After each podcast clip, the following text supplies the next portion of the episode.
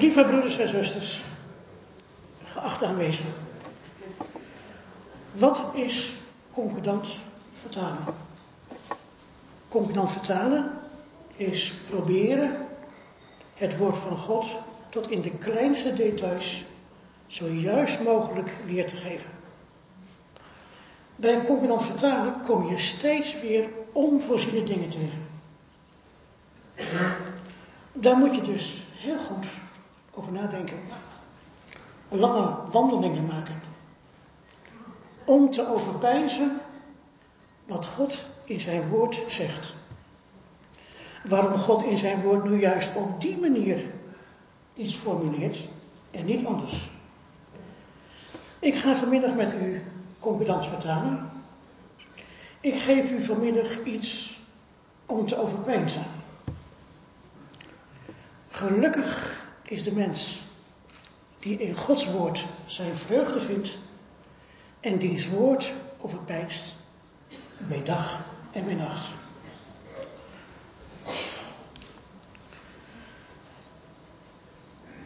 Ons onderwerp van vanmiddag is het verschil tussen de aorist en de onvoltooid tegenwoordige tijd. Wat is dat, een aorist? Een aorist is allereerst een feit. Een feit is iets waarvan de werkelijkheid vaststaat, iets wat je niet kunt ontkennen. De wereld waarin wij leven bestaat uit feiten. De zon gaat elke morgen op, dat is een feit. En die gaat elke avond weer onder, dat is ook een feit. Twee keer twee is vier, dat is ook een feit. Daarom baseren wij onze handelingen op feiten.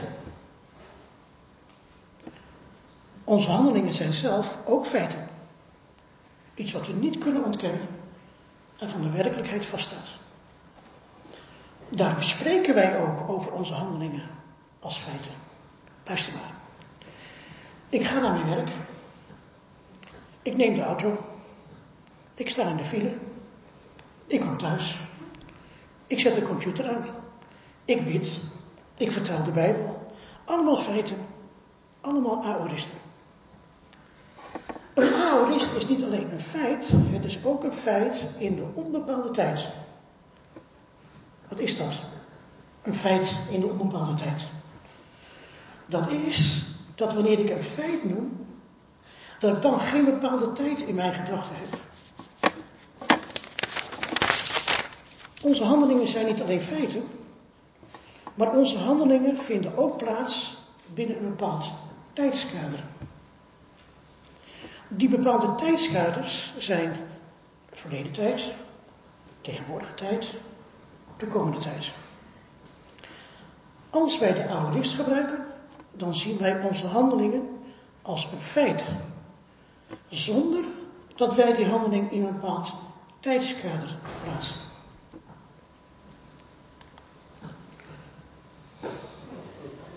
Je weet, als ik doe, dan gaat het mis. Een aorist presenteert dus een handeling als een feit in de onbepaalde tijd.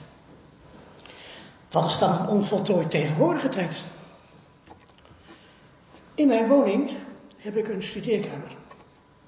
Mijn vrouw zegt altijd, Menno zit in zijn hok.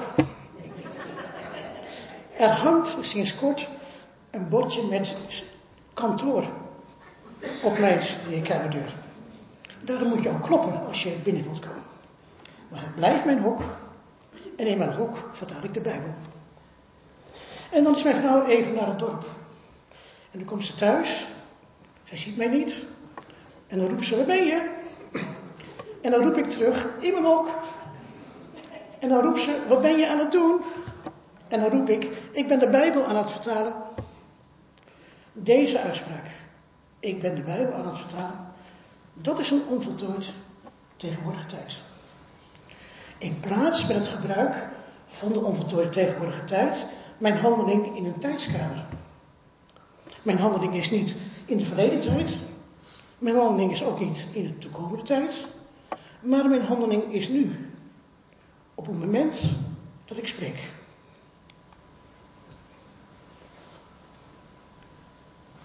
Nee. Ja. De onvoltooid tegenwoordige tijd benadrukt dat de handeling nu op het spreekmoment plaatsvindt. En dat de handeling op het spreekmoment nog niet voltooid is. Ik ben dus nu op mijn spreekmoment in mijn hok de Bijbel aan het vertalen. En dan komt mijn vrouw in mijn hok. Ze heeft een mobiele telefoon in haar hand en ze zegt: telefoon voor je. En dan stop ik met vertalen. Ik ga telefoneren. Er is nu een nieuwe situatie ontstaan. De onvoltooid tegenwoordige tijd van de handeling van het Bijbelvertalen is voltooid. Ik ben nu op dit moment niet meer aan het Bijbelvertalen. Ik ben nu op dit moment aan het telefoneren. Ik heb de ene handeling vervangen door een andere handeling. Het is zelfs de vraag of ik de oorspronkelijke handeling, het Bijbelvertalen, weer op zal pakken. Want wij weten niet hoe de toekomst zal zijn. En dan roept mijn vrouw vanuit de huiskamer: Kom je, we gaan eten. En dan roep ik terug: Ik kom zo, ik ben nog even aan het telefoneren. Daarmee geef ik aan mijn vrouw aan dat op dit spreekmoment telefoneren mijn handeling is en niet het Bijbelvertalen. Even later zitten mijn vrouw en ik aan tafel. Ik ben nu niet meer aan het telefoneren, ik ben nu aan het eten. Ik heb op dit moment de handeling van het telefoneren vervangen door de handeling van het eten. Dit geeft aan hoe vluchtig de handeling in de onvoltooid tegenwoordige tijd zijn. Een handeling kan zomaar, plotseling, afgebroken worden en vervangen worden door een andere handeling. Die andere handeling kan ook zomaar afgebroken worden en vervangen door weer een andere handeling. Misschien wordt een bepaalde handeling nooit meer opgepakt. Want we weten niet hoe de toekomst zal zijn.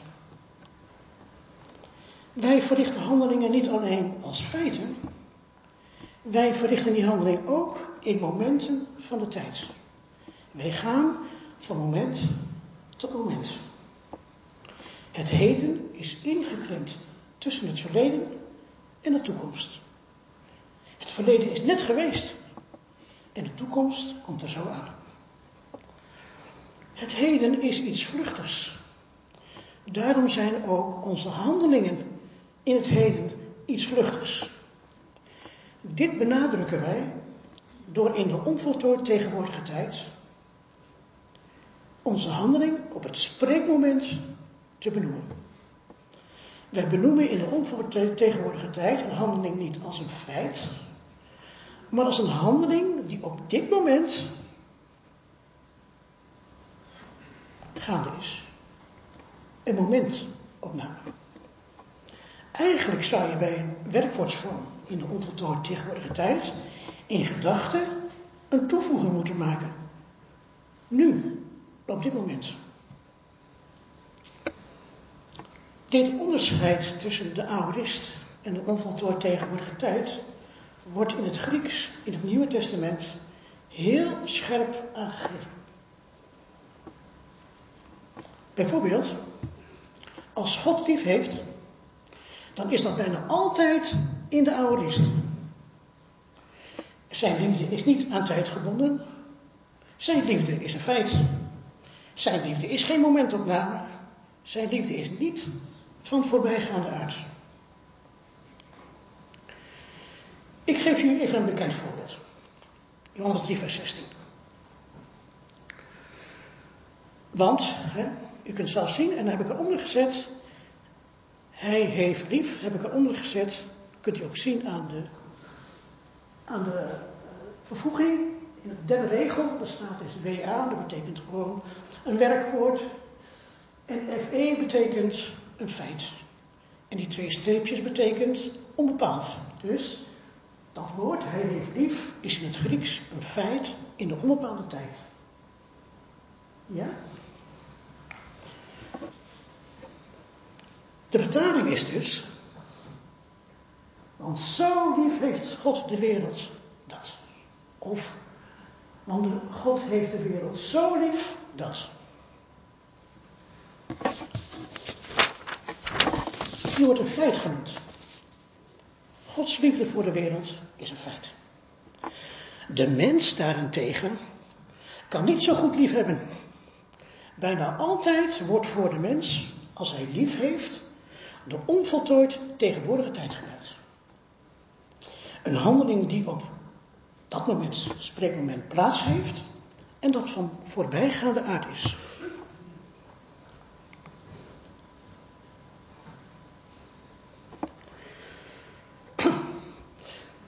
U ziet hier bij een rode kadertje liefhebbende. En u ziet er staan, het is een H-O-T-T. Dat betekent onvoltooide handeling, tegenwoordige tijd. En de vertaling is dus, degene die zijn vrouw aan het liefhebben is. Niet die zijn vrouw lief heeft, nee, er staat, die zijn vrouw aan het liefhebben is. De liefde van een man is geen onbepaald feit.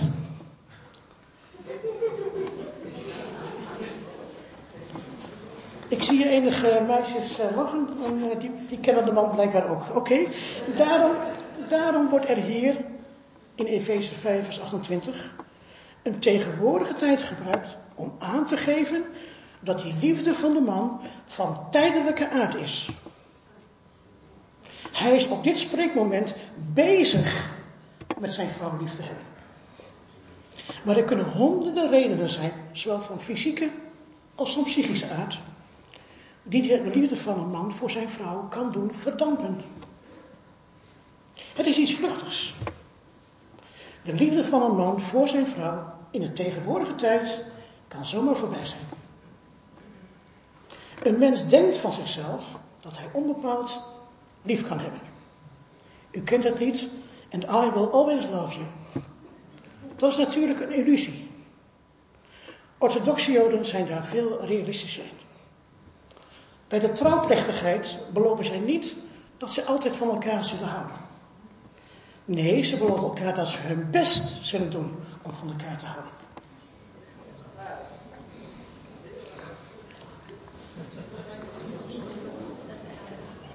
Het verschil tussen de liefde van onze Heer en die van de mens wordt uitgedrukt in verschillende tijdsvormen. Ik herhaal het nog een keer. Het verschil tussen de liefde van onze Heer en die van de mens wordt uitgedrukt in verschillende tijdsvormen. Efeze 5, vers 25. U ziet het hier, hebt lief bij de mannen. Is een onvoltooid tegenwoordige tijd. Dus aan het liefhebben. Hij heeft lief, gaat over Christus. Dat is een oude rist. Tuurlijk, feit. De vertaling is dus, mannen, wees jullie vrouwen aan het liefhebben. Zoals ook Christus de uitgeroepen vergadering lief heeft.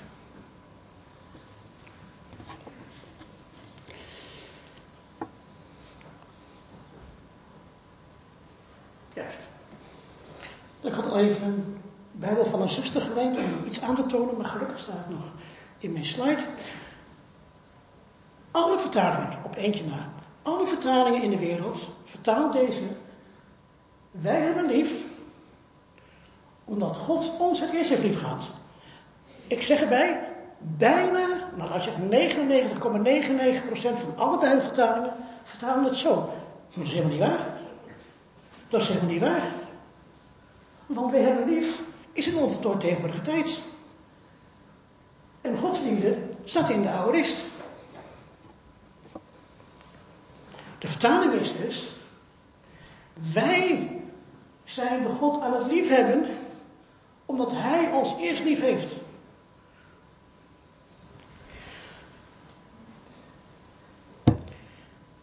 Het verschil tussen Gods liefde en onze liefde wordt weergegeven door verschillende werkwoordvormen. Wij hebben God lief in de onvoltooid tegenwoordige tijd.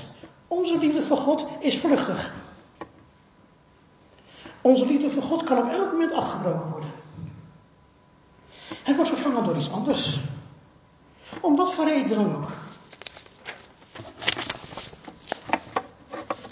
Dat is Gods oordeel over onze liefde voor Hem. Deze gedachte vinden wij niet zo prettig. Het is slecht voor ons ego. Wij vinden dat wij best wel redelijk bezig zijn. Maar het zou verstandig zijn als wij tegen zo'n God zouden zeggen: Heer, u heeft helemaal gelijk.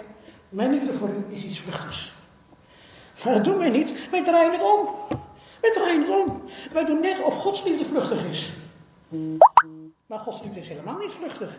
Onze liefde is vluchtig. Daarom zijn veel mensen ook bang voor God. Zij denken dat God net zo is zoals wij mensen zijn. Dat Gods liefde voor ons iets vluchtigs is. Nou, echt niet. Gods liefde voor ons is de oude rist hoor. Hebben we dat zover? Als de liefde van God bijna altijd in de oude staat, dan moet je dus heel goed opletten als die liefde van God in de onvoltooid tegenwoordige tijd staat. Dan is er iets bijzonders aan de hand. Laten we die bijzondere passage eens bekijken. We gaan naar 2 Korinthe 7. 9 vers 7. Ja, 2 Korinthe 9 vers 7. Hier staat het woordje agapa, u ziet er een rood kadertje omheen. Hier zou je eigenlijk agape zijn verwachten, omdat hier over het liefhebben van God gaat. Staat altijd agape zijn. Maar die een agapa. Dat is allemaal door tegenwoordige tijd. Hé, hey, en dan moet je dus nadenken. Lange wandelingen maken en overpijnzen. Ja? Waarom wordt hier de onvoltooid tegenwoordige tijd gebruikt? Want de tekst was volgt. De vertaling is, want de God is een blijmoedige gever aan het liefhebben. Hé, hey, iets vluchtigs. Maar Gods liefde is toch een oude? Nou, in dit geval niet. En dan moet je dus overpijnzen waarom het hier dus zo staat. Waarom wordt hier de onvoltooid tegenwoordige tijd voor Gods liefde gebruikt? Omdat in dit hoofdstuk de nadruk ligt op het tijdelijke aspect van een inzameling. Deze inzameling was een bijzondere inzameling voor de verarmde heiligen in Jeruzalem. Paulus had uitdrukkelijk aan de andere afgevaardigden Jacobus, Petrus en Johannes beloofd zich voor zo'n inzameling in te zetten. Daar is Paulus in dit hoofdstuk dus mee bezig. Wie in deze inzameling blijmoedig geeft, zegt Paulus, krijgt Gods goedkeuring. God is op dat moment van spreken zo iemand aan het liefhebben. Deze tegenwoordige tijdsvorm geldt dus en past dus in deze context van deze tijdelijke, specifieke inzameling. Dat geldt dus niet bijvoorbeeld als iemand in deze tijd, anno 2019, blijmoedig zijn tienden aan zijn geloofsgemeenschap geeft. Dan kan God hem liefhebben. Tuurlijk, maar het hoeft niet. Maar dat God een blijmoedige gegeven zou liefhebben, gebaseerd op 2 Korinthe 9 vers 7, is een onjuiste interpretatie. Als in 2 Korinthe 9 vers 7 het woord liefhebben in de oude list had gestaan, dan kon die blijmoedige gegeven daar aanspraak op maken. Maar nu niet. Ziet u hoe makkelijk je iets verkeerd kan begrijpen?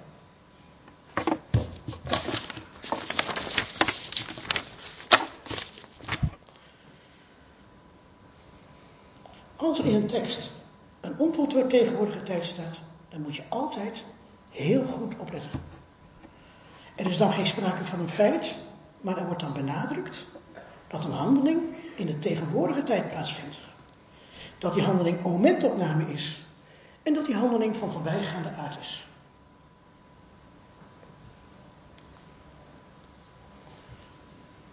Het verschil tussen de aoristes en de onvoltooid tegenwoordige tijd in de media's. Ja. We zien dit verschil tussen de aorist en de onvoltooid tegenwoordige tijd ook in de middenvorm, de media's. We kijken eerst even naar de middenvorm. Je ziet twee woorden omkranst. Het woordje jullie worden schoongemaakt en jullie worden geheiligd. En dan zit hij onder de, hè, de derde regel, staat hij een feit, onbepaald feit, een aorist dus. Woordje aperisatste is een feit in een onbepaalde tijd. En het woordje jullie worden geheiligd is een feit in de passieve vorm. Onder jullie worden geheiligd zit u pas staan. Ja? WRV, pas. Dat betekent de passieve vorm, de leidende vorm. Dat betekent dat wij die heiliging ondergaan.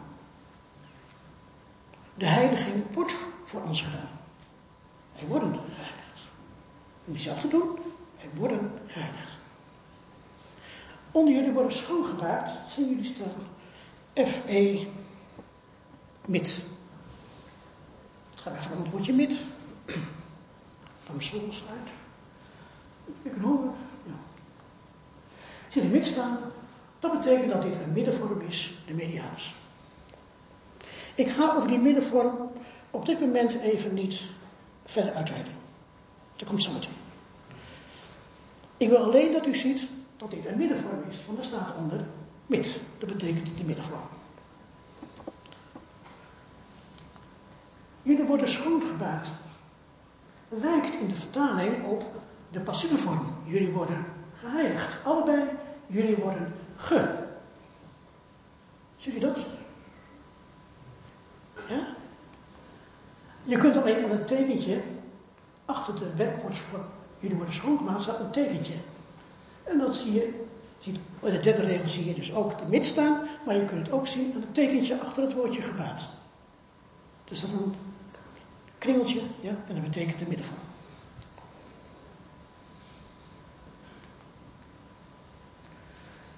Hetzelfde woord nog een keer, jullie worden schoongebaat. Dat wordt als een feit gesproken. De F-E mid.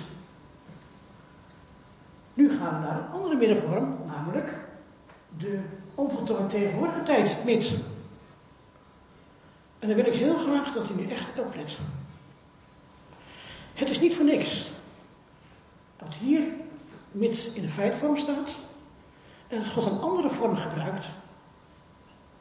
Ook een middenvorm, maar geen feit, nee, een onvoltooid tegenwoordige tijd. Daar mag je dus niet overheen lezen. Als je er overheen leest, begrijp je het niet. Zo subtiel is dat. Gebruik 1 Korinthe 15 vers 2. Heel bekend vers. Van voor degene die naar de zender luisteren. Hier zie je in de interlineair, het tekentje van de middenvorm, achter het werkwoord jullie worden gered staat. Zie je dat?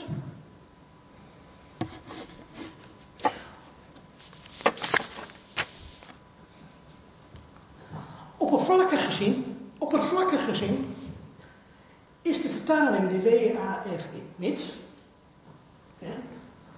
in de eerste regel, hetzelfde als de WA namelijk jullie worden schoongebaat en jullie worden gered. Dus het lijkt dat het hetzelfde is, maar het is niet hetzelfde, want de ene is een feit en de andere is een onvoltooide tijd. Ziet u dat? Het verschil is, jullie worden schoongemaakt, is een aorist. En jullie worden gered is een onvoltooid tegenwoordige tijd.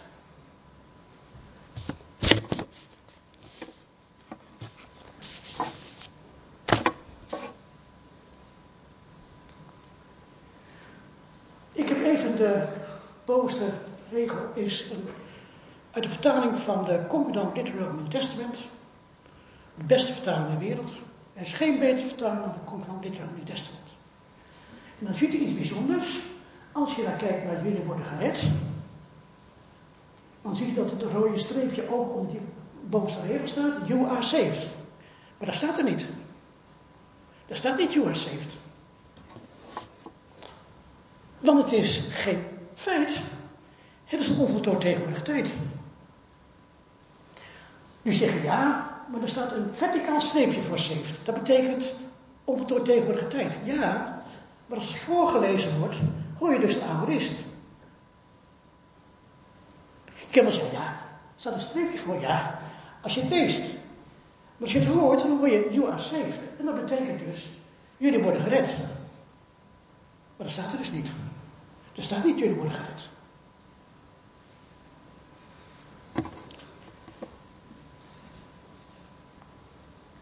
Want de WHOTT-MIT, snel gezegd, heeft een heel andere betekenis dan de WHF-MIT, namelijk dat het een gebeuren is in de onvoltooid tijd. Dus een vorm met aan het. De vertaling is dus, jullie zijn gered aan het worden. Niet jullie worden gered, nee, jullie zijn gered aan het worden. Onvoltooid tegenwoordige tijd, alleen in de middenvorm. Met andere woorden, de redding voor de Corinthiërs door het evangelie van Paulus is in dit vers een onvoltooide handeling. Een handeling die nu plaatsvindt tijdens het schrijfmoment van de schrijver.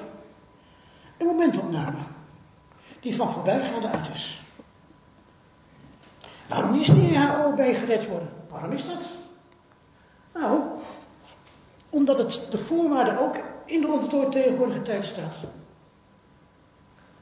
In het Engels, if you are retaining, dat is in het Nederlands, indien jullie aan het vasthouden zijn. Indien jullie aan het vasthouden zijn. Niet indien jullie vasthouden, dat is een feit. Nee, indien jullie aan het vasthouden zijn. Op de tegenwoordige tijd. Dus ook dat vasthouden, die training, is een handeling op het spreekmoment. Een momentopname. Paulus zegt dus dat indien jullie nu op dit moment bezig zijn met het evangelie aan het vasthouden te zijn, dat jullie dan nu op dit moment gered aan het worden zijn. Als jullie dus eh, niet nu op dit moment bezig zijn met het evangelie aan het vasthouden zijn, dan zouden jullie nu op dit moment ook niet aan het gered worden zijn. En nu zegt iemand, ja maar 2 Timotheus 1 vers 9 dan. Dan staat dat God ons redt. Want daar staat een oude kijk maar, reddende is een feit. Een feit om op bepaald tijd. Dus, hier staat dat God ons redt. In de oude rist. Een feit, zonder tijdsverbeking. Dat God ons redt, staat vast. Dat kunnen we niet ontkennen, dat is een feit. Maar 1 Korinther 15 vers 2 spreekt over onze redding als iets wat nog niet voltooid is. Iets wat nu, op dit moment, bezig is. Een momentopname. En zoals wij gezien hebben, kan een momentopname vervangen worden door een andere momentopname. Onze redding is vanuit dat standpunt gezien relatief. Als wij het evangelie volgens Paulus' woorden niet aan het vasthouden zijn, dan is onze redding ook niet door aan het gaan. Misschien bent u het oneens met deze conclusie. Dat kan. Maar dat is wat de tekst hier zegt. Deze tekst is een goed voorbeeld van combinant vertalen. Dat je telkens onvoorziene dingen tegenkomt. Ja, wat is het nou? Is onze redding nou een feit? Of is onze redding een momentopname? Wat weer voorbij kan gaan? Dan begint nu de overpeinzing. Dan begint nu de overpeinzing. Ik geef u iets ter overweging. De oplossing van dit probleem is het middenvormstekentje achter het woord gered. Dat rare kringeltje achter het woord. Dit tekentje ontbreekt in 2 Timotheüs 1 vers 9. Laten we proberen dit gegeven zo goed mogelijk te benaderen. De middenvorm geeft aan dat het onderwerp intens betrokken is bij behandeling. In 2 Timotheus 1, vers 9 wordt onze redding vanuit Gods standpunt bekeken. Het absolute standpunt. Daar is onze redding een oude is, een feit. Tuurlijk. Maar de onvoltooid tegenwoordige tijd. En het middenvorm samen, samen in 1 Korinther 15 vers 2, geeft de redding aan vanuit het menselijk standpunt. Het relatieve standpunt. De middenvorm geeft intense betrokkenheid aan, oftewel de beleving van het onderwerp bij de handeling. Hoewel dus onze redding een feit is, volgens 2 Timotheüs 1 vers 9, beleven we dat niet zo. Volgens 1 Corinthië 15 vers 2.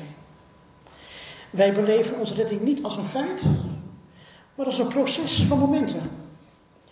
Waarbij wij gered aan het worden zijn. Als in een wedloop. Waarin je op het ene moment een gevoel van gelukzaligheid hebt. Omdat het lopen probleemloos gaat. En waarin je op het andere moment wilt afhaken. Omdat het lichtje uitgaat. Wanneer je benen of je longen niet meer willen. De onvoltooid tegenwoordige tijd in 2 Korinther 15, of 1 Korinther 15 vers 2 geeft dus aan dat onze redding een momentopname is en dat die redding ook afgebroken kan worden. Zoals bij alle handelingen in onvoltooid tegenwoordige tijd. En de middenvorm geeft aan dat wij dit als zodanig beleven. En als u eerlijk bent, kent u in momenten van onzekerheid.